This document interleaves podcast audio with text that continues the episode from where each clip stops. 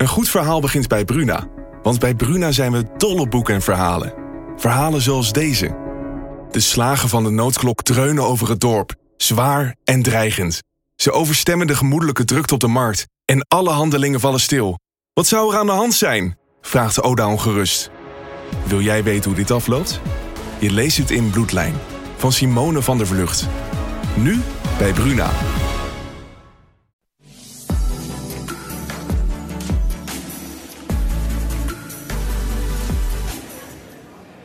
Een hele goede middag, het is weer vrijdag, dus zoals u van ons bent gewend, een nieuwe Talk of the Town, bomvolle uitzending.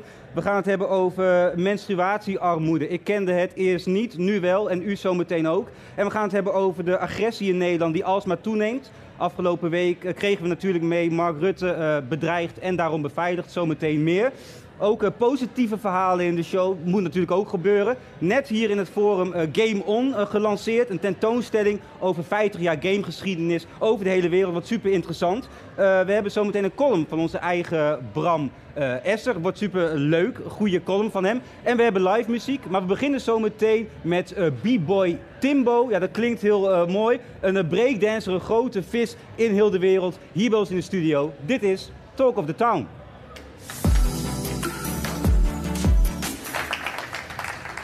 Ja, ik noemde je net even uh, B-Boy Timbo. Dat is, dat is je, ja, je breakdance uh, naam. Moet ik het zeggen? Ja, ja eigenlijk wel. Ja, ja. ja. Tim Jansen. Uh, we hadden het net al even voor dat we begonnen over. Hele wereld overgereisd. Concerten, prijzen gewonnen in het breakdansen. Nu hier bij ons.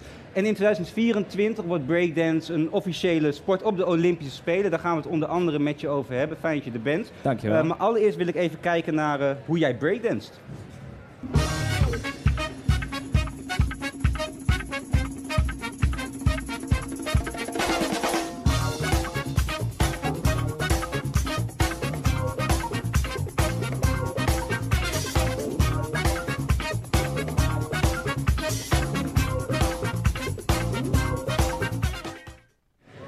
Tim, ja, hij mag ervoor geapplaudisseerd worden. Dat mag.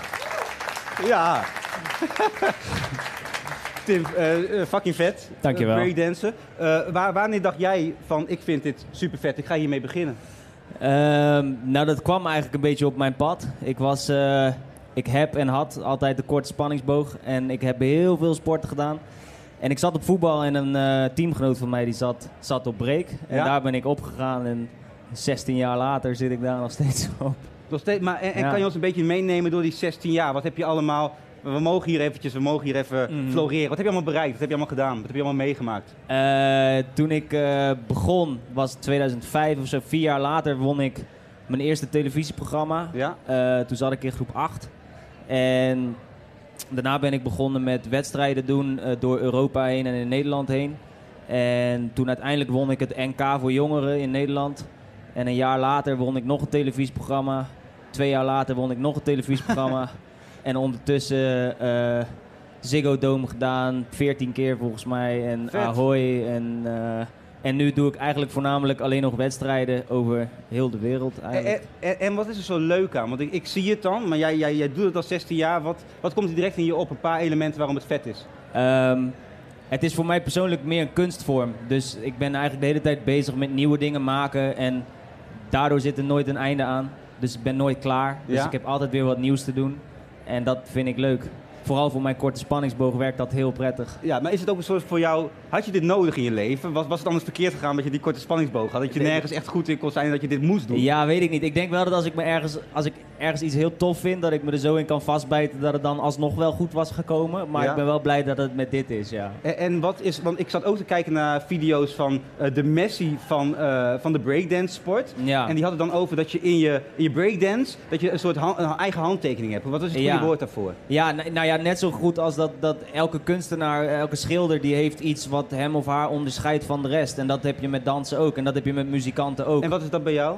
Eh, zo, dat is recht op de man af. Eh, ik denk, eh, ik ben heel dynamisch. Dus ik gebruik mijn dynamische stijl met, met mijn creativiteit. En dat combineer ik met elkaar. En zo hoop ik ervoor te zorgen dat waar iedereen denkt dat ik links ga, dat ik rechts ga. Oké, want je zag net de video en de mensen thuis ook, denk ik. Want kan je dat iets concreter maken, dat dynamische? Hoe, hoe, hoe, hoe, voer je dat door in, in jouw dansstijl? Eh, ja, ik, ik draai heel veel rond. Op mijn hoofd, op mijn rug, op, eh, op mijn handen, alles. Ehm, en je hebt ook mensen die, die wat meer... Ja, voetenwerk heet dat dan met handen en voeten. Dus dat is dan weer wat anders. En, Ja. Maar ik ben vooral veel, eh, veel aan het ronddraaien en vliegen. En eh, ja, dat. Vet, voor ronddraven Ja, en ja, vliegen. Eh, En ik hoop dat je ook naar Parijs kan vliegen, want daar wil ik eigenlijk naartoe. In Mhm. 2024 eh, wordt breakdance officieel een Olympische sport. Ja. Eh, wat, Ja. wat, vind, wat vind je toen je dat hoorde? Wat, wat, wat, wat dacht je? Ja, biedt kansen, biedt heel veel mogelijkheden. Wij, wij zijn natuurlijk. eh, als, je, als, je wil, als je op hoog niveau wil komen, dan moet je daar ook heel veel tijd in stoppen. Maar om er heel veel tijd in te stoppen, moet je daar ook de ruimte voor hebben. En, en als er geen geld te verdienen valt, oh, heel kort door de bocht, dan is dat heel lastig om te doen. Dus- verdien- hoe zit dat nu dan voor een breakdancer? Verdien je geld? ja, ja, het is mijn baan, maar dat zorgt er wel voor dat ik buiten mijn wedstrijden om eh, shows moet doen of andere dingen moet doen om, om, om rond te komen. Want Ja. alleen puur van wedstrijden doen, lukt dat niet. Oké, duidelijk. Ehm, dus het biedt heel veel kansen om te professionaliseren op het gebied van sport. Want in principe doen wij alles zelf. Dus Ja. Als je fit wil zijn, moet je, zelf, eh, moet je dat zelf doen en zelf een programma voor maken. En als je wilt diëten, moet je daar ook zelf een En is het programma voor overal maken. zo of is het alleen Nederlands? Of heb je in Amerika bijvoorbeeld, als je op een bepaald niveau zit, veel meer begeleiding al? Nou ja, je, je hebt het eigenlijk overal wel. En, en er zijn ook maten van begeleiding die je, die je hebt. Ik, Ja. ik heb ook mijn, mijn conditietrainers en een diëtist en, en alles. Maar eh, dat, over het algemeen moet je dat allemaal eerst zelf doen. Duidelijk, er er is kritiek op. Er is, er is best wel Mhm. harde kritiek ook vanuit de eigen scene. Ja. Hè, maar wat is die kritiek? Op, op dat, is, Eh. dat het een Olympische sport wordt. Wij, nou ja, wij zijn eigenlijk in de basis een, een, een cultuur en, en in plaats van een sport. En mensen zijn bang dat wij nu meer naar de sport toe gaan en dat de cultuurkant daarvan vervalt. Waarom dan? Eh, omdat het gecommercialiseerd wordt. waarom, waar zijn ze echt bang voor, concreet? Dat de, de, de essentie van, van, het, van de, de hip-hop cultuur, hè, waar wij dan onder vallen, dat die komt te vervallen doordat mensen eigenlijk alleen maar nog de sportkant willen doen en ja, de, de, de, de bekendheid achterna willen gaan, zeg maar. Of, eh, of dat soort, ja, gewoon alleen de Olympische Spelen willen doen. Terwijl het leuker is om gewoon met je, met je boys en een boombox ergens op, eh, op een pleintje te staan en daar gewoon te trainen. Daar geniet ik zelf ook het meeste van. Maar waar zit jij dan op dat spectrum tussen de mensen die zeggen pas op met het commerciële en hou, en, en, en hou het cult- cultureel? Ik- en, de mensen die zeggen juist Ja. die professionaliseringsslag die is goed. Ik zit ertussenin, want ik vind het beide. Ik heb, ik, ik, want ik doe zelf heel veel van de, van de evenementen die meetellen in de Olympische ranking. Ik doe ook evenementen die daar niet in meetellen. En ik heb, ik heb die combinatie ook nodig, want Ja. anders doe ik alleen maar dingen met heel veel druk op Ja. mezelf. Dus dan ben ik alleen maar mezelf gek aan het maken en dan verlies ik mijn plezier. Dus ja, ik want ga... ik, ik, ik, ik las het ook ergens dat je, dat je eh, juist is het vet dat je ook onbevangen, eh, zonder pressure, toch je ding kan doen. Ja, dat is en, wat je en wil. dat jij nu wel ervaarde van ik zeg sommige dingen af omdat het mij niet verder helpt voor bijvoorbeeld dat Olympische doel. Ja, kijk, je kan natuurlijk heel selectief worden nu met wat je wel en niet doet, omdat het heel inzichtelijk wordt. En we werken in Nederland dan bijvoorbeeld met een puntentelling, dus met een ranking eigenlijk gewoon. Ja. En je weet wat meetelt en wat niet. Dus de afgelopen jaren, na de coronacrisis, eigenlijk dat het weer een beetje losging bij de evenementen, Ja. heb ik alleen maar de evenementen gedaan die er tot, tot toe deden. Alleen nu merk ik dat ik, dat ik het eigenlijk wel weer verlang naar de evenementen die er niet toe doen. En waar ik gewoon heen kan gaan voor de lol. Want dat mis je bij de, bij de, bij de grote evenementen. Maar is er dan die- een soort innerlijke strijd van ik wil de lol behouden, maar ik moet ook me focussen op dat doel. Hoe, Ja, hoe doe- tuurlijk. hoe doe je dat dan? Nou ja, dat, dat is nu heel lastig, want er worden eigenlijk alleen nog maar hele grote evenementen gehouden. Ja. Ehm, maar ik, ja, de lol heb ik gewoon in mijn studio waar ik train met mijn, met mijn vrienden. En, eh, Ja. Je dus- moet ons even meenemen naar de Olympische Spelen, want er staat, je wordt beoordeeld op mind, body en soul. Even heel kort, wat, wat is mind dan in de breakdansen? Nou ja, kijk, wij hebben, hè, als je echt teruggaat naar hoe break normaal gesproken gejureerd wordt, dan heb je dus gewoon twee mensen die staan tegen elkaar en die Ja. battelen dan om de beurt. Hè, dus die doen allebei een ronde en dan heb je drie of vijf juryleden. En als die battle klaar is, doen ze of dit of dit. En dat is dan de winnaar. Oké, Zonder dat jij snapt, maar waarom dan eigenlijk? ja. En omdat we nu Olympisch zijn geworden, moet iedereen kunnen snappen waarom iemand wint. Dus er zijn categorieën, Dus nu zijn er hele duidelijk. systemen bedacht en helemaal ingewikkeld met allemaal tablets en, en faders en procenten. En dan moet de jury moet dat allemaal dus inzichtelijk Is het nog wel maken. leuk dan, Tim? Het klinkt wel dat het helemaal een beetje, hè, dat met elementen, tablets. Ja, we ja, moeten ja. gewoon leuk lekker binnen een plantsoen breakdansen. Ja, nee, ja, dat, dat is dus de, de, de, de, de balans die je moet vinden nu. Ja. Ja. Eh, Ben, ben je erbij in 2024? Eh, ik denk dat ik in 24 niet erbij ga zijn, maar in 28 dat is wel mijn doel. En is het ook zo dat er maar vier per continent naar de Spelen mogen? Nou, als het goed is maar twee. Maar twee Ja, volgens mij wel, ja. per continent, dus alle landen in Europa. Volgens, jij en dan... vol- volgens mij uiteindelijk wel, ja. Maar dat weet ik niet. Ik weet het niet zeker hoor, maar volgens mij wel. En hoe realistisch eh, schat jij het, eh, het doel in dan voor 2028, Olympische Spelen? Nou, hangt er vanaf hoe ik presteer.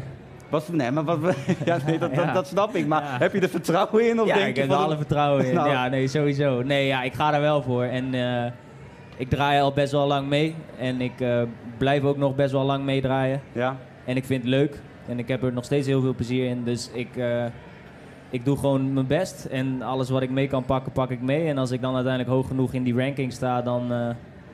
eh, ik sta nu tweede. Dus als ja. volgend jaar de Olympische Spelen was, dan was ik meegegaan. Maar, Maar we hadden het net over, er is nog een Messi in Nederland, die is ook heel groot. Dan ben jij toch gewoon de Ronaldo? Dan kunnen jullie met z'n tweeën die kant op. ja, ja, maar hij heeft wel net een iets langer cv dan ik. eh je bent opgebouwd wel, maar jij bent jonger, of niet? Ik ben wel een stuk jonger, ja. Precies. ja. Dankjewel. Mag ik een groot applaus voor B-boy Timbo Tim. Jansen. Dankjewel. Ja, dan gaan we naar het eh, volgende onderwerp. Ik had het er in de introductie al even kort over. eh, menstruatiearmoede. Ik kende het nog helemaal niet. Eh, wat houdt het dan in? Dat kunnen de dames zo meteen beter vertellen. Ik dat kan natuurlijk. Alleen 1 op de 10 vrouwen in Nederland heeft eigenlijk geen betaalbare toegang tot eh, maandverband, tampons. En dan gebeurt er iets wat je niet wil. Dat je gaat beginnen aan zakdoekjes, aan, aan, aan sokken, aan gebruikt, gebruikte tampons. Dat klonk mij heel frappant en bijna onwerkelijk in de oren. Ehm, leg ik het goed uit, eh, menstruatiearmoede, als ik bij jou, eh, Riks van Dongera, eh, begin? Ja, je haalt me de, de woorden uit de mond, Nathan. Ja, Dus dat voelt ook heel onwerkelijk en dat vonden wij eigenlijk ook. Maar je- precies zoals je zegt, dat het is 1 op de 10 vrouwen in Nederland, dat is 10 procent. ontzettend veel voor een rijk land Ja. als Nederland. En ja, vrouwen gebruiken dan inderdaad of, of niks. En gaan bijvoorbeeld niet naar het werk, of meisjes gaan niet naar school eh, voor een paar dagen per jaar. Eh, of mensen gebruiken inderdaad dingen als sokken, eh, oude kleding, eh, Nee, joh. hergebruiken, menstruatieproducten. Nou ja, je kunt je voorstellen dat dat ook wel wat gezondheidsrisico's heeft. Dus dat is echt een groot probleem. Anne-Marij Dijkstra ook aan tafel, fijn dat je er bent. Dankjewel. Eh, eh, eh, jullie hebben een stichting opgericht, Bloody. Basics, Groningse stichting, met nog iemand anders, maar jullie zitten hier. Ilse Afke. Wat, wat zeg je? Ilse Afke. Ja, dat mag nog even genoemd worden natuurlijk. Eh, wa- wa- wanneer dachten jullie van, joh, wanneer constateerden jullie dat dit bestond? En, en, en waarom dachten jullie, hé, hey, hier moet wat gebeuren? Eh, nou, Rix kwam met een onderzoek. En eh, daar stond in van dat er menstruatiearmoede in Nederland was. Want Ja. ik dacht in een welvarend land als Nederland, dat hoeft er niet te zijn. Nee. Ik had er zelf eerder ook nog nooit aan gedacht. En eh, wij zaten met ons drieën bij elkaar. En wij de- zijn alle drie wel personen van als wij denken er is ongelijkheid, Ja? daar moeten we iets mee. Ja, echt? Ja, daar eh, komt volgens mij in al ons drieën iets naar boven waarvan we zeggen van eh, hier moeten we iets actie op ondernemen. Maar wat komt er dan naar boven? Gevoel? Ja, gevoel en drive. We gaan er tegenaan. We moeten hier iets aan veranderen. Ja. En, en Bloody Basics, de stichting, hoe, hoe, willen, hoe veranderen jullie dit dan? Nou, we beginnen klein. We beginnen in de gemeente Groningen.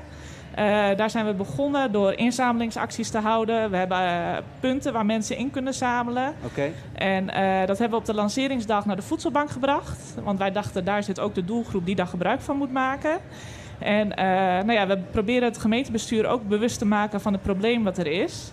En uiteindelijk willen we natuurlijk dat het op de politieke agenda komt. Maar Ja, eh, daar zijn nog heel veel stappen in te Ik, ik zetten. hoor je zeggen proberen. Is het, is het lastig? Want het lijkt me ook een onderwerp wat een beetje onder de radar blijft. En wat, wat ook moeilijk is als je dat zelf ervaart, lijkt me.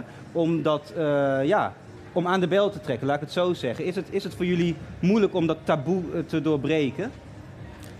Ehm, is het moeilijk? Ik denk als je als vrouw op straat staat, dat merken wij in ieder geval met onze inzamelingsactie, hebben we eigenlijk best wel hele goede gesprekken hierover. Ook met een vrouw Volgens mij de eerste donatie die we binnenkregen was... eh, hier heb je echt een aanmerk maandverband, want wij hadden dat vroeger thuis niet. Want daar hadden wij geen geld voor, maar ik weet hoe prettig dat is. Dus iemand die dat vroeger niet, niet kon, dus echt in de, in de doelgroep viel. Ja. die nu juist helpt met jullie initiatief. En tuurlijk, volgens mij, eh, met name als je meisjes op de middelbare school hebt, is het sowieso al niet een favoriet onderwerp om over te spreken. Nou, helemaal niet als je ook nog in armoede leeft. Je ziet dat dit ook heel veel bij mensen eh, leeft die onder langdurige armoede eh, leven. Dat betekent langer dan drie of vier jaar onder Ja. het minimuminkomen. Ja. Ehm, ja, daar, daar spreek je sowieso niet graag over. En als het dan ook nog over je menstruatie gaat, Snap ja, dat is een beetje dubbelop. En jullie hebben afgelopen weekend, als ik het goed heb, hebben jullie iets gedaan. Wat hebben jullie gedaan?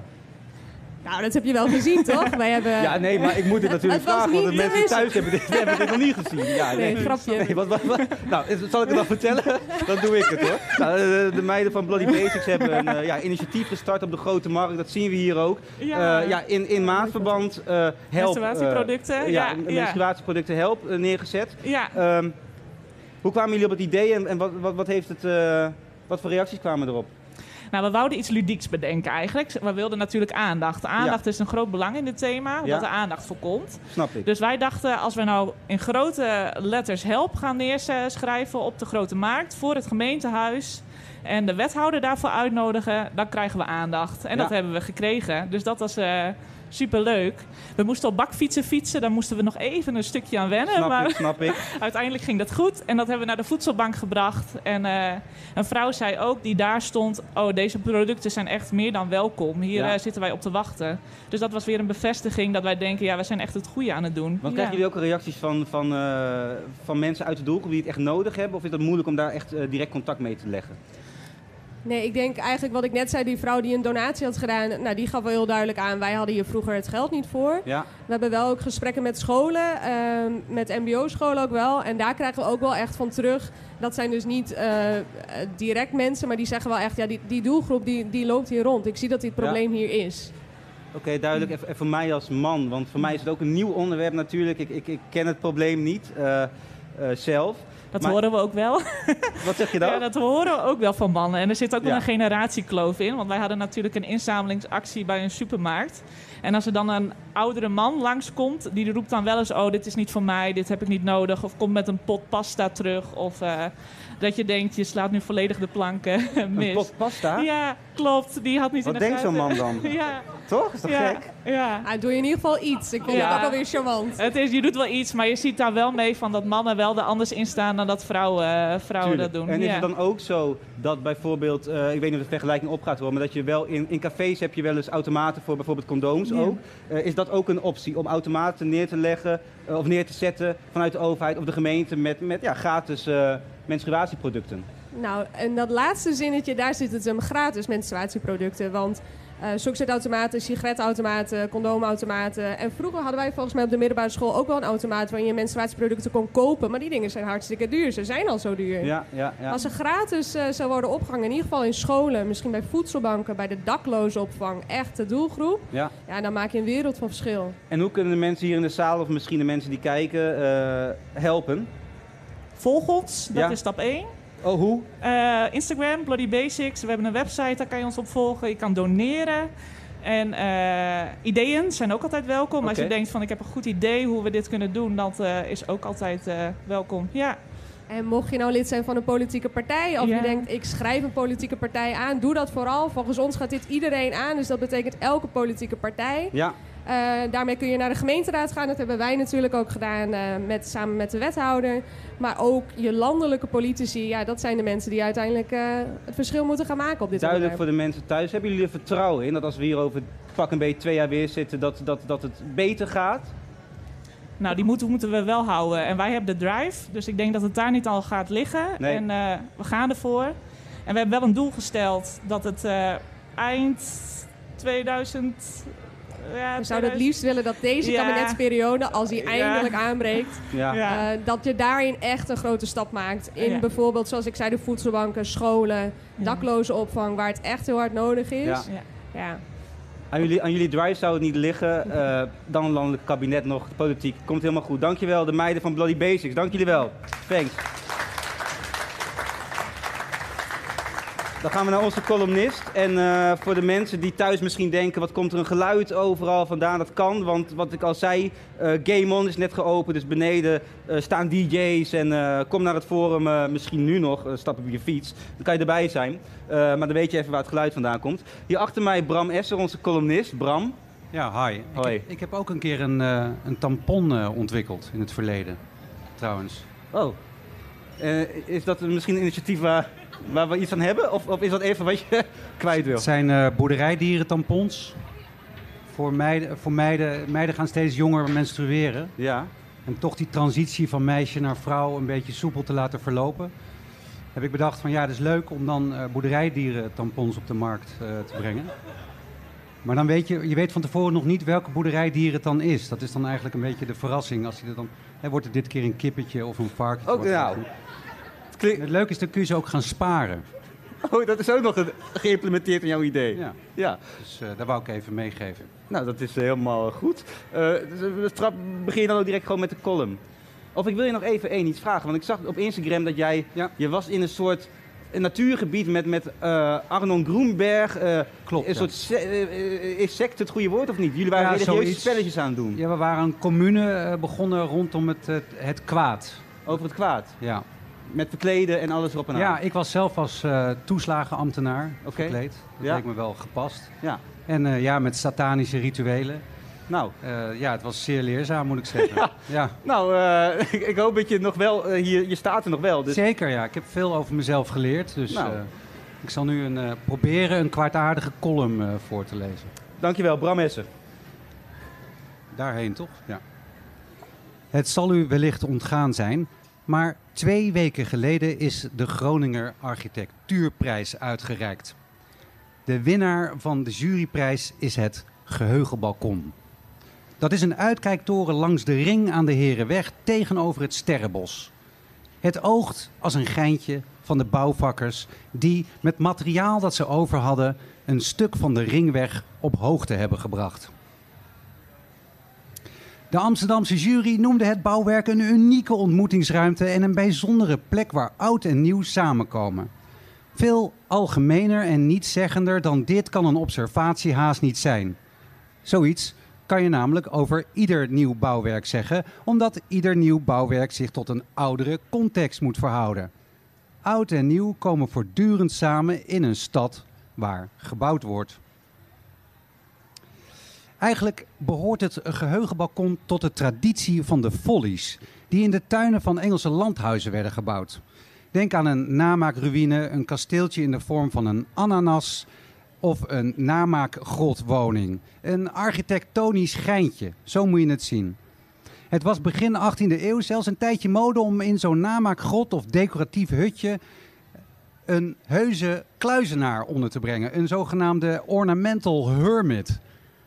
Die decoratieve kluizenaar zag er excentriek uit door zijn lompe en lange baard en moest op gezette tijden de gasten van een tuinfeest trakteren op een klompje wijsheid dat hij had opgedolven uit zijn eigen geest. Dat is dus precies wat er aan ontbreekt bij het geheugenbalkon. Een ornamental hermit.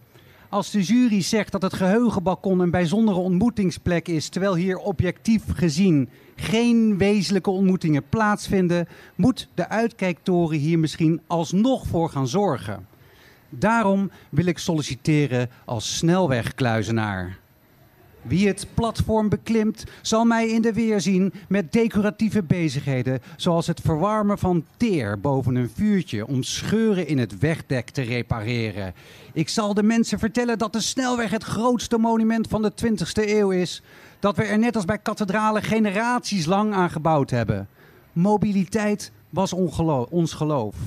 En, ik voorspel u, zoals de kerken zijn leeggelopen, zo zullen ook de snelwegen weer leeglopen. Een heerlijk vooruitzicht. Dan kunnen we met z'n allen massaal gaan rolschaatsen over al dat overtollige asfalt. Net als in de jaren 70 op Autoloze Zondag. Autoloze Zondag is de toekomst waar iedereen, iedereen stiekem naar verlangt. Alleen het geheugenbalkon zal ons nog aan het grootste mobiliteitsverleden herinneren. Dank u wel. Bram Essen, dames en heren. Het volgende onderwerp uh, ook heftig weer. Uh, waarschijnlijk heeft u meegekregen. Mark Rutte uh, bedreigd en daarom beveiligd. Dat kwam deze week, afgelopen week, naar buiten. Maar eigenlijk is het samenleving breed niet best gesteld. Agressie en we, worden, of we zijn een huftere maatschappij. Zorgpersoneel dat bedreigd wordt. Journalisten, uh, waaronder onze eigen Willem Groeneveld natuurlijk aan de orde van de dag. Bedreigingen overal. In de zorg, journalisten, politiek, op de werkvloer. En dan praten we over met agressie-expert Rix Eidsma. Uh, Rix, fijn je er bent, man. Ja. Ja, heel goed. Ik ben er graag. Uh, ja, dat is super. Ja. Uh, ik zei je net al, een, een agressie-expert. Wat, wat, wat, ja. wat, is, wat doet een agressie-expert? Nou, een agressie-expert die helpt uh, organisaties, maar ook politici... in het omgaan met allerlei vormen van agressie, geweld, intimidatie, bedreiging... Nou ja, dat soort dingen. En, en, heb, je, heb je een paar voorbeelden van wat je dan bijvoorbeeld nou, op de werkvloer ziet... of wat, jij, wat je doet waar je mee helpt? Nou, vandaag was ik bijvoorbeeld de hele dag bij een woningcorporatie... hier ergens in het noorden van het land. En uh, uh, dan, dan help ik medewerkers van die organisatie in de dingen die ze meemaken. Om een voorbeeld te noemen... Ja. Um, uh, het komt bij vrijwel elke woningcorporatie in Nederland komt het voor dat bijvoorbeeld onderhoudsmedewerkers, dus mensen die keukenkastjes komen repareren, ja. dat die vastgehouden worden in een woning tegen hun wil. Door? Door huurders. Dus omdat zij dan zeggen, nou, dat, uh, dat keukenkastje dat kan bijvoorbeeld nog wel uh, één of twee of drie jaar langer mee. Dat zo'n huurder dan zegt van, nou, als je hem niet gaat repareren of als ik geen nieuwe keuken krijg, dan uh, ligt Bello hier voor de deur. En dan, dan kom je er niet meer uit. Dus kijk maar wat je gaat doen. Ja, en, dat gebeurt, en dat gebeurt echt op grote schaal. Ja? Elke woningcorporatie waar wij komen, nou, ik ben hier samen met een acteur waar ik vandaag mee gewerkt heb, dat is Wobbe Zwart. Ja? Uitstekende acteur trouwens. Maar goed, die, die kan het ook bevestigen. Elke woningcorporatie waar wij komen, die kent wel een onderhoudsmedewerker die tegen zijn wil is vastgehouden in een woning. En het opvallende daarvan is, en dat is ook een van de, van de ja, grootste motivaties om mijn werk te doen. Het opvallende daarvan is dat er vrijwel nooit aangifte van wordt gedaan. Hm, waarom toch... niet dan? Is er angst, bang? Ja, dat is, dat is een hele goede vraag. Dat is om, omdat men bang is. Dat, het korte antwoord, men is bang om daar aangifte van te doen. Omdat men denkt van, nou weet je, daar krijg je ontzettend gedonde van Ja. als je het doet. Of dan komt zo iemand s'avonds bij mij thuis. Of nou ja, zo. Ik wil er zo meteen nog een paar voorbeelden uitlichten. Je hebt meegewerkt aan een boek. Ik wil daar even iets eh, over voorlezen. Het Agressieparadijs. Eh, samen met Caroline eh, Koetsenruit. En ik lees even een stukje voor, dan hebben we een beeld. Wij Nederlanders zijn Europees kampioen wat betreft agressie en geweldsincidenten tegen verpleegkundigen, leerkrachten, winkelpersoneel, ambtenaren en andere werkenden. Ja. Massale verontwaardiging ontbreekt naar het doodrijden van een motoragent, het neerschieten van een beveiliger in de GGZ, vuurwerkbommen die afgaan onder het eh, raam van een kind van de burgemeester, eh, klappen aan het ziekenhuisbed, online haat en bedreigingen van jeugdzorgers. Agressie is overal, steeds vaker, steeds erger en we doen niets. Ja. Ja. Ik schrok, ik, ik schrok daar nogal van. Is Nederland echt eh, Europees koploper wat betreft eh, dit soort Ja. verhalen? Ja, wij zijn koploper in Europa. Daar, daar ligt heel veel onderzoek onder. Allerlei Europees onderzoek. En bij ons komt het drie keer vaker voor dan in alle onze omringende landen. Dat meen in Europa. niet? Ja, dat meen ik heel echt. Ik schrok daar zelf ook van toen ik die onderzoeken las. En het komt echt veel vaker voor. Maar hoe kan, En- maar, maar, maar waar, Nederland, je denkt toch een beschaafd land, hoe, hoe, hoe kan ja, dat dan? is wel, het is wel grappig dat je het vraagt, Nathan. Ja, hoe moet hoe kan dat? Hoe, ja, je moet vragen. Ja, dat is ook je rol. Weet je, dat is, dat is grappig. Ik vraag dat ook altijd aan groepen. Wij hebben dat boek samen geschreven. Dan vraag ik aan groepen, als we, als we er staan of presentaties houden. de- Wat denken jullie hoe dat kan? En niemand geeft dan het nummer één antwoord hoe, hoe dat kan. Ik zou het hier ook al willen vragen, maar dat zou te veel tijd kosten. Maar Ja. ik zal het nummer één antwoord geven. Dat is omdat wij het enige land zijn waar het zin heeft om het te doen. Want dat het zin heeft om Ja, die ik zal het met, te- met, met, met twee voorbeelden duidelijk maken. Als jij naar een, een, een winkel gaat met, eh, laten we zeggen, kapotte sneakers. Ja, En eh, dat doe je op een beetje druk tijdstip. En je maakt dan een hoop stennis in die winkel. Dan heb je grote kans dat het winkelpersoneel zo geïnstrueerd is... dat ze je dan een paar nieuwe sneakers meegeven. Omdat ze bang zijn dat er eh, eh, reputatieschade optreedt. maar dan gaan we dus hier uit vanuit eh, de-escalatie in plaats van, hé, hey, idioot, Ja, mijn winkel klopt. uit. Klopt. Het idee is dat het deescaleert als je dat doet. Maar het gevolg daarvan is dat we van binnenuit zeg maar, gaan rotten Omdat we ons niet meer afvragen van ja, wat is juist en wat is niet juist. De morele kaart wordt hier in Nederland veel minder vaak getrokken dan in de ons omringende landen. Daar zijn dat soort dingen echt ondenkbaar. Verzekeringsmaatschappijen doen het, woningcorporaties doen het. Wanneer er echt ernstige schade is in woningen, gaan ze het niet verhalen omdat ze denken van ja, als we daar schade gaan Ja. verhalen, dan, dan levert ons dat zoveel gezeik en gedoe op. Dat we, lief, dat we liever kiezen voor eh, schade zelf Dan betalen. wil ik zo meteen komen op de oplossingen en de oorzaak, Ja. hoe je dit aanpakt, wat je dan moet doen. eh, Ja. Afstraffen neem ik aan. Eh, maar hoe las je dan de berichten? Natuurlijk is dat misschien net wat afgeleid, maar toch van Mhm. onze minister-president, hè, de grootste symbool van, van het Ja. land bijna. die ook dreigementen, extra beveiliging heeft. Hoe las jij dat bericht? Nou, weet je, het tweeledig, dat is wel grappig. Ik heb dus samen met Carolien Koetsenruiter hebben wij, eh, eh, zijn we de afgelopen maanden bezig geweest om een norm te ontwikkelen Ja. tegen politieke ambtsdragers. Ja. Nou, heel kort.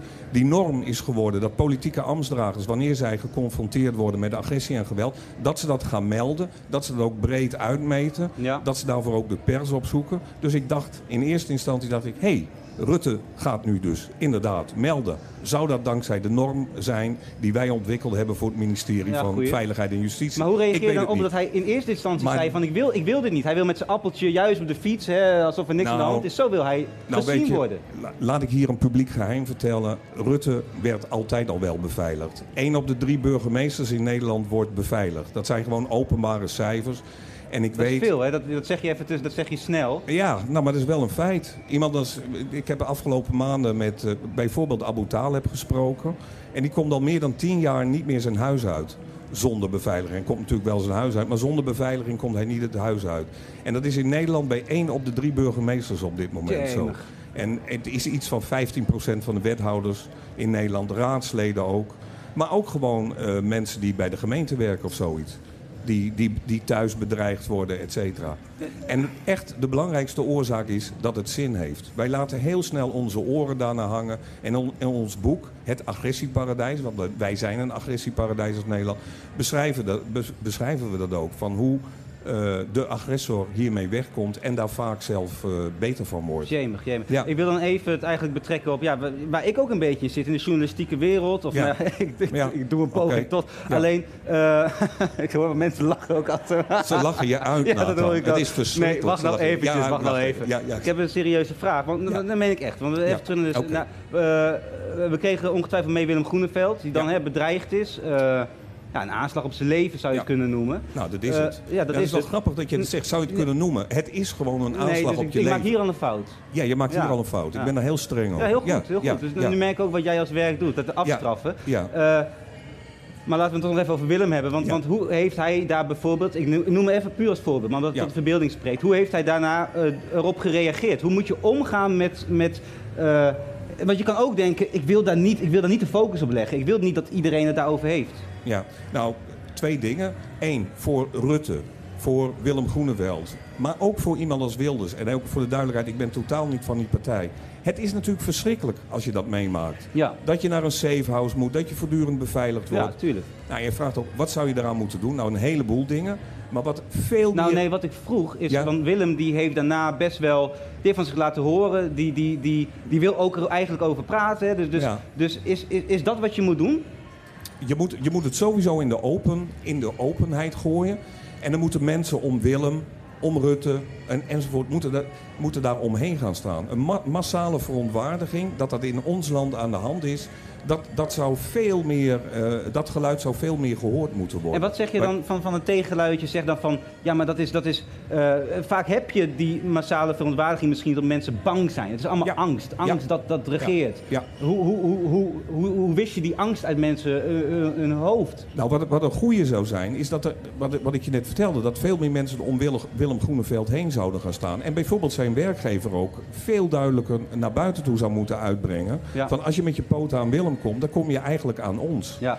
En dat geluid moet veel duidelijker gehoord worden. En dat Willem zelf naar buiten treedt, dat is natuurlijk uitstekend. Ja, tuurlijk. Maar het is voor, voor Willem en voor Rutte en voor Wil. Het is verschrikkelijk als je dat meemaakt. Ik heb nog een voorbeeld Ja. uit de actualiteit. Dat, Ja. dat, eh, de kroegen zijn natuurlijk weer open tot 12 uur. En dan hoorde ik dat de lijnbussen hier die gaan nu omrijden Ja. omdat, omdat studenten dan klappen tegen de... Het lijkt wat onschuldig, maar hoe reageer je daarop? Dat, dat, Ja, want die lijnbus kan ook denken, ik, ik ga daar... eh, Ja, dat zijn mensen, moet je je voorstellen, daar zit zo'n chauffeur, die rijdt er langs. Wat, wat voor angsten, wat voor stress dat oplevert voor zo'n chauffeur. Ja. En wij realiseren ons veel te weinig wat dat betekent voor werkenden in Nederland. Wat voor impact die wat voor heeft. impact dat het heeft. Hoeveel mensen daar ziek van worden.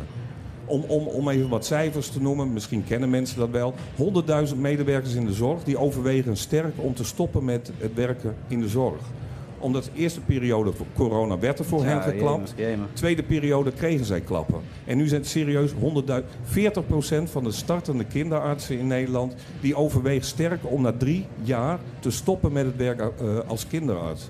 Vanwege grensoverschrijdend gedrag, agressie, intimidatie van ouders. Dat zijn echt schokkende ouders waar, waar werkgevers ook veel duidelijker van moeten zeggen van tot hier en niet verder. En het omgekeerde is het geval.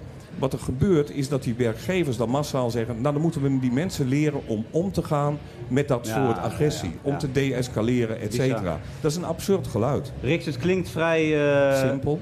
Nee, niet Oh. zin, nee, nee, je legt het heel goed uit. het dank klinkt, eh, klinkt zwart. Het klinkt, het, klinkt, het klinkt niet goed. Wat, wat, wat, is de, wat is de... Heb je nog vertrouwen? Ik heb, heel veel, ik heb altijd vertrouwen. Ik geloof dat wij eh, op dit moment met een soort, nou, zeg maar, ommekeer in Nederland bezig zijn. Ja. En dat, nou ja, onder andere de norm die ik net noemde, het boek wat nu verschijnt, het agressieparadijs. En ik merk ook dat er meer mensen zijn die eh, massaal hun verontwaardiging laten horen. En jij, jij las net het verhaal van eh Carolien voor. Ja. En wij met z'n tweeën, maar er zijn wel meer, ja, starten ook een beweging waarbij we zeggen van medewerkers, maar ook politici moeten het niet meer accepteren. En heb je, dan kan je dat heel concreet maken voor of het nou individuen zijn, bedrijven, woningcorporaties, journalisten of iemand op school die te maken heeft via social media met bedreigingen. Wat, Ja. wat, wat, wat moet je doen? Een paar concrete tips wil ik bijna zeggen. Nou, he- heel concreet moeten mensen het melden. Daar begint het. Ja. Mensen moeten zeggen dat het hen overkomt. Nu is het vaak zo, het, het adagium zou je kunnen zeggen, was altijd van... spreek er maar niet over, want dan, dan blijft het klein. Alles wat je aandacht geeft, groeit. Dat is een, dat zeg ik even heel nadrukkelijk, heel langzaam... dat is een grote mythe. Alles wat je aandacht geeft, groeit, is zeker bij agressie en geweld... is, is, niet, is gewoon niet waar. Ja. Je moet veel meer aan de bel trekken, veel meer laten zien dat het gebeurt. En dus moeten ehm, eh, werkgevers, maar ook eh, eh, politici, moeten laten weten dat dit gebeurt. Dus ze moeten melden, zodat we er veel beter zicht op krijgen dat dit gebeurt. Dat is één. En twee is dat mensen die dit doen, die moeten een stevige tik over hun vingers krijgen. Of erger, als ze bijvoorbeeld, daar begonnen we mee, een woningcorporatiemedewerker in een, Ja. in een woning vasthouden. Aangifte gedaan en die moeten gewoon veroordeeld worden. Punt uit. Duidelijk. Ja. Eh, Rix, fijn dat, eh, dat jij daar ook zo duidelijk en hard en, en, en goed Dank je. over praat. Eh, het agressieparadijs komt in november 1 uit. november komt het uit. 1 Ja. november uit. Ja. Dus allen die nog meer informatie wilt lezen, koop het boek. Dankjewel. Koop het boek. Rix Dankjewel. Oké. 1 op de drie, ja, ja, ja, ja, ja. Nou, dan kom je wel even uit een heftig onderwerp er eh, relaxed ingelopen, man. Ja, kom ik aan met mijn eh, computerspelletjes. Ja, met je computerspelletjes. ja. Nee, maar fijn dat je er bent. eh, Martin Verschoren, de meeste mensen kennen jou misschien eh, als eindredacteur van Reshift Games. Eh, ik ken jezelf van Game Kings, eh, TMF, MTV, mooie tijd. Al moet ik direct eerlijk ook zeggen, ik, was geen, ik ben eigenlijk een game eh, sukkeltje. Ik heb, ja, ik heb heel weinig games. Ik ken een beetje Snake en FIFA en, en eh, GTA. Dat is genoeg toch? Ja? Ja joh, Nee, maar ik wil met jou juist helemaal eh, erin. de diepte in. Hoe groot, ja, de diepte ook, maar ook eh, nee, maar hoe groot die wereld is. Eh, laat ik even terug naar het begin. Dan werken we nog even aan de techniek. Dan neem ik even een slokje bier, dan kan je ook even rustig landen. Nee, want eh eh, Game On, tentoonstelling net geopend door Martin hier beneden in het eh, forum. 50 jaar games, eh, daar gaat het over. Alles te zien, te horen en te bespelen ook. eh, hoop ik voor iedereen die daarheen gaat. Eh, en die opening was net. Ja. Die opening eh, mocht jij verzorgen. Kan jij nog wat duidelijker uitleggen dan dat ik dat doe nu, wat Game On inhoudt? Ja, Game On is een expositie, je zei het al, over 50 jaar videogames. Ehm, je loopt daar naar binnen Ja, en je, ziet letterlijk de allereerste machines staan waarop gegamed werd. En dat begon eigenlijk al in de jaren 50.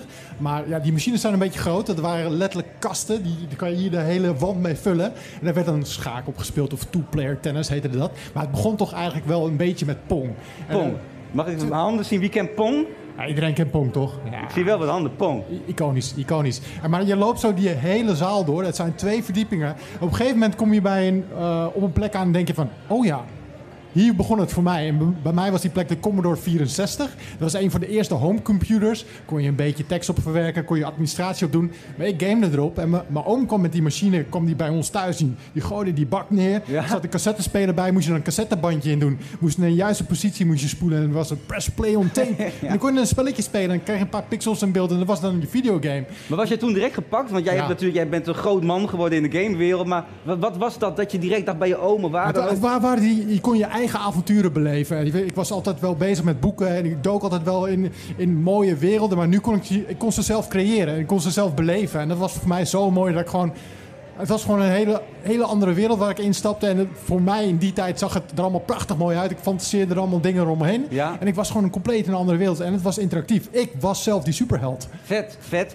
En, en, en kan je ons ook een beetje meenemen door 50 jaar heen? Als in hoe is die ontwikkeling gegaan? Want die is volgens mij ook geëxplodeerd. Ja. Het is nu, eh, ja, het is eigenlijk groter als tv. Ik, ik, ik, ik las laatst dat na de NBA-finale in Amerika kregen 7 miljoen mensen. En na, ja, ik ben even de naam van het spel kwijt. Maar eh, volgens mij, eh, schiet, schietspel, schietspel. Fortnite misschien. Denk ik, denk ik. Laten we daarop houden. Maar er keken 47 miljoen mensen Ja. naar in Amerika. Dus- Ja, het is, het is groter dan alles bij elkaar. Joh. Nou, noem maar Formule 1. Iedereen kijkt hier misschien wel Formule 1, kent dat. Max Verstappen groot in het nieuws. Maar als je kijkt naar die aantallen die naar e-sports op dit moment kijken, is insane. Explodeert vooral in, eh, in de Aziatische landen natuurlijk. Ja. Vullen ze stadia compleet met, met ja, zitten gewoon 70.000 mensen naar, naar twee gamers te kijken. Je kan het bijna niet voorstellen, maar het gebeurt. Het gebeurt ook steeds meer in Nederland. Het wordt steeds groter en groter en groter. Ja. Maar dat komt om. Ja, die- ontwikkeling van games gaat zo hard. En eh, je hebt zoveel verschillende aspecten in, in, in videogames. Je kan het gewoon relax, eh, tafels, eh, s'avonds thuis op de bank even een avonturengame in, induiken. Maar je kan het ook competitief spelen. En, waar- en, en waarom is een expositie zoals Game On eh, volgens jou zo vet en zo goed om te bezoeken en leuk? Ja, nou ja, er gebeurt heel veel als je... Ik, ik, zeg, nou, ik zeg tegen heel veel mensen... de mensen vragen wat doe je voor werk? En Ik, ik werk in videogames. Ah, dus je speelt de hele dag computerspelletjes. Zo, ja, maar wat deze expositie zo goed doet... Die Wordt er soms denigerend over gedaan? Ja, maar mensen beetje- snappen het, niet, eh, snappen het niet helemaal nog. Ze zien het te weinig, ze zien een kleine neefje het misschien spelen. Maar deze expositie eh, trekt het een beetje uit dit hoek en die maakt het volwassen. En die maakt het ook serieus. En mijn stem slaat er helemaal van over, maar eh, het is... Ja, het een- gaat rustig. ja, is ik, word er, ik word er heel enthousiast van. Want Ja, nee, ook. ik liep hier naar binnen en ik kreeg letterlijk kippenvel. Want het, het, het, het, wordt, medium wordt serieus genomen. En je ziet ook, je maakt echt een reis door die 50 jaar gaming heen. En je kom je op het einde aan. En dan zie je ook games die hier in Nederland worden gemaakt door Guerrilla Games in Amsterdam. Zo'n Horizon Zero Dawn, Horizon Forbidden West. En dat is zo insane mooi. Er werken letterlijk 500 mensen aan voor vier jaar lang. Die doen motion capturing, die doen van alles. Eh, de beste Hollywood eh, muzie- muziekcomposers werken aan de soundtrack. Maar jij liep hier naar binnen en toen kreeg je... Wanneer, kreeg, wanneer was dat kippenvel Gewoon op het moment? dat ik binnenliep. Gewoon dat het zo'n expositie. Het is serieus neergezet. Het is, eh, vaak kom je op beurzen. En ik reis de hele wereld over om op games te checken. Maar dit is echt... eh, mogen we echt trots op zijn. Voor, als Nederland zijn, maar ook gewoon... Als je gewoon een beetje liefde hebt voor videogames, dan, dan ga je hiervan genieten. Echt waar. En, en wat zijn jouw persoonlijke favorieten als we wat tips moeten geven aan, eh, aan mensen die misschien eh, nu net de PlayStation 5 gaan kopen? Dat is ook Ja. helemaal eh, hip, toch? Ja, zeker. Maar als je hem kan krijgen, dat is nog wel een probleem. Dat ding is echt overal uitverkocht. Oké. Maar ja, er zijn zoveel games, er zijn zoveel Noem er verschillende... even een paar die jij echt Ja, geweldig vandaag is. FIFA 22 bijvoorbeeld uitgekomen. Oh ja, dat ken ik wel. Dat is leuk. Ja. Kan lekker voetballen. Maar vandaag is ook e-voetbal uitgekomen. De tegenhanger van? E-voetbal. Iets, iets rustiger. E- E-voetbal heet dat. E-voetbal. Maar dan moet je die moet je dan weer niet aanraken. Dat is te slecht voor woorden. Maar ehm, ik speel zelf bijvoorbeeld eh, bijna dagelijks Apex Legends. Dat is een Battle Royale game. Start je met 60 spelers tegelijk, word je in een wereld gedropt met een onderbroek aan. Moet je zo snel mogelijk wapens vinden, harnassen en dat soort Met dingen. een onderbroek aan? Nou, figuurlijk dan. Ja, ja. En eh, je moet jezelf Dat eh, zegt hij. upbuffen. Je moet eigenlijk, de bedoeling is hetzelfde als die film. Ehm, je moet als laatste overblijven. Battle Royale, dat, dat vind ik dan wel leuk. Maar er zijn zoveel verschillende, verschillende genres. En, en, en, en als je dan kijkt naar de... Want dit gaat over 50 jaar videogames. Ook een stuk geschiedenis natuurlijk. Ja. Hè, hoe dat eh, tot nu toe die ontwikkeling heeft doorgemaakt. Hoe ziet de toekomst van eh, videogames eruit? Games, de game toekomst. Het wordt natuurlijk steeds mooier en mooier en mooier. Dat zien we allemaal. Maar het zijn vooral de technieken. Eh, we zitten nu, eh, mensen hebben allemaal wel een Netflix-account, een Disney Plus-account. En dat, dat zien we ook gebeuren in videogames. Dus ja, je zegt zelf al, een PlayStation 5. Maar die heb je eigenlijk nu al niet meer nodig. Het enige wat je nodig hebt is een controller, een internetverbinding en een scherm. Dan kan je lid worden bijvoorbeeld van Xbox en dan kan je gewoon je games streamen. Hoe oud was jij, Martin, toen jij bij je oom eh, dat cassette recordetje... of Ja, dat- ik denk een jaar of zeven.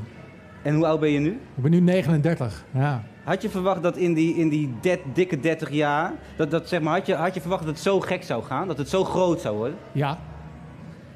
Ja, maar ja. Mag ik een groot applaus voor Martin Verschoor? Dankjewel.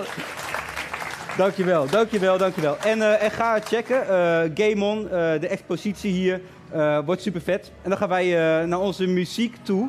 Dat wordt ook eh, heel leuk. Eh Romy Gabay en Stevie, fijn dat jullie er zijn. Eh, de na ik vond je naam een beetje moeilijk. Snap ik wel. Was het nu oké? Ja, je deed het goed. Ja. oké. Ehm, maar jullie spelen niet altijd samen. Wa- waarom dachten jullie nu van we gaan bij Talk of the Town gaan we samen wat doen? Eigenlijk was dat omdat ehm, ik werd gevraagd om eh, een set te spelen. En toen dacht ik, ja, het is wel leuk om samen een keer te doen. Dat we dat nog nooit hadden gedaan. En, en hoe eh, kwam je dan bij Stevie? Ja, we kennen elkaar nu al een tijdje, een jaartje. en eh, we delen heel erg die passie voor muziek samen. En we hadden een tijdje terug samen een nummer geschreven. Vet. Ja, En, en Stevie, wat, wat, wat bindt jullie in muziekvorm dan? Wat vind je cool aan, aan haar?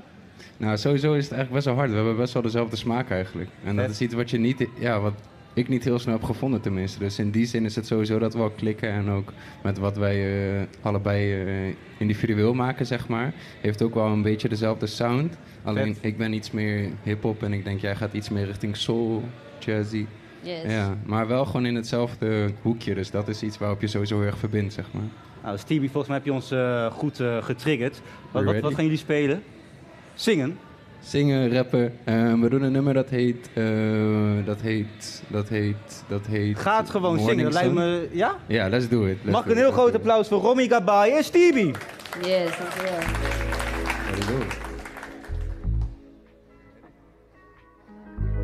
Het is een beetje raar, we moeten een beetje naar jullie kijken, Fakamoto. maar ook een beetje naar de camera's toe. Dus wat dat betreft, gekke situatie. Maar we zijn hier eh, om deze tune voor jullie te spelen, dames en heren. Let's go.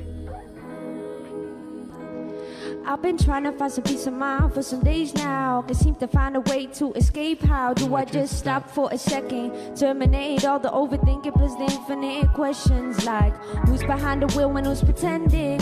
Are we puppets of society not knowing where we heading? Blindly chasing their commands, pushing away all vitality and so our human instinct. But maybe it's part of a bigger plan. Nature showing us the beauty of the smaller things. Spreading a virus to let us slow down, awaken their eyes to finally realize what, we gotta, do now and what we gotta lose. Is there a reason behind this voodoo they do behind the scene of the youth? Share the dreams that might have came true. But yeah, I'm probably overthinking, put my thoughts in the loop. But hey, get it? Lately, I just close my eyes and fly. Oh, just do just what you gotta do. Make sure that you gon' follow through. With my head in the clouds. And my face in the morning sun. Yeah. I finish right where my thought begun. Yeah, yeah, yeah. I've been sitting done. politicking, overthinking state of mind. Like, where do we find the answers for what they ought to find? Got me tripping, got me dipping, got me losing my way. Got perspective, live and learn, It's always something to say. So, hey. We gotta do the effort, listening to each other and pulling it all together, pulling all of the strings and making all the lives better. All my beautiful people, we gotta do it together. We gotta roll with the vision, gotta get it the wisdom, gotta follow your heart, then gotta follow your rhythm. Gotta ask yourself, what's a king to a king? If it up to me, I'll be cracking up the system. But life's the best teacher of me, and I'm getting schooled. Even if it means detention, I am following your, Your rules. rules. Maybe I look like a Fool. but I gotta keep swimming. So maybe it's just me sitting here and overthinking. Shit. Lately, I just close my eyes and fly. Oh, just do just what you gotta do. Make sure that you gon' follow through. With my head in the clouds and my face in the morning sun. I finish right where my thought begun. I don't think it's ever done. Yeah, yeah, yeah, yeah, yeah. We don't think it's ever done. What we gonna try though? Is it? Is it? This song is called Wake Up. It's gonna be out soon. I Yeah. hope. En wat goed is om te weten, volgende maand, 21 oktober, eh Romy met haar eigen band in EM2 op dezelfde avond sta ik ook in EM2 met eigen band. Dus jullie moeten er allemaal bij zijn. Right? Right? Ja toch? Romy Gabay en Stevie, dank jullie wel. Vet, vet.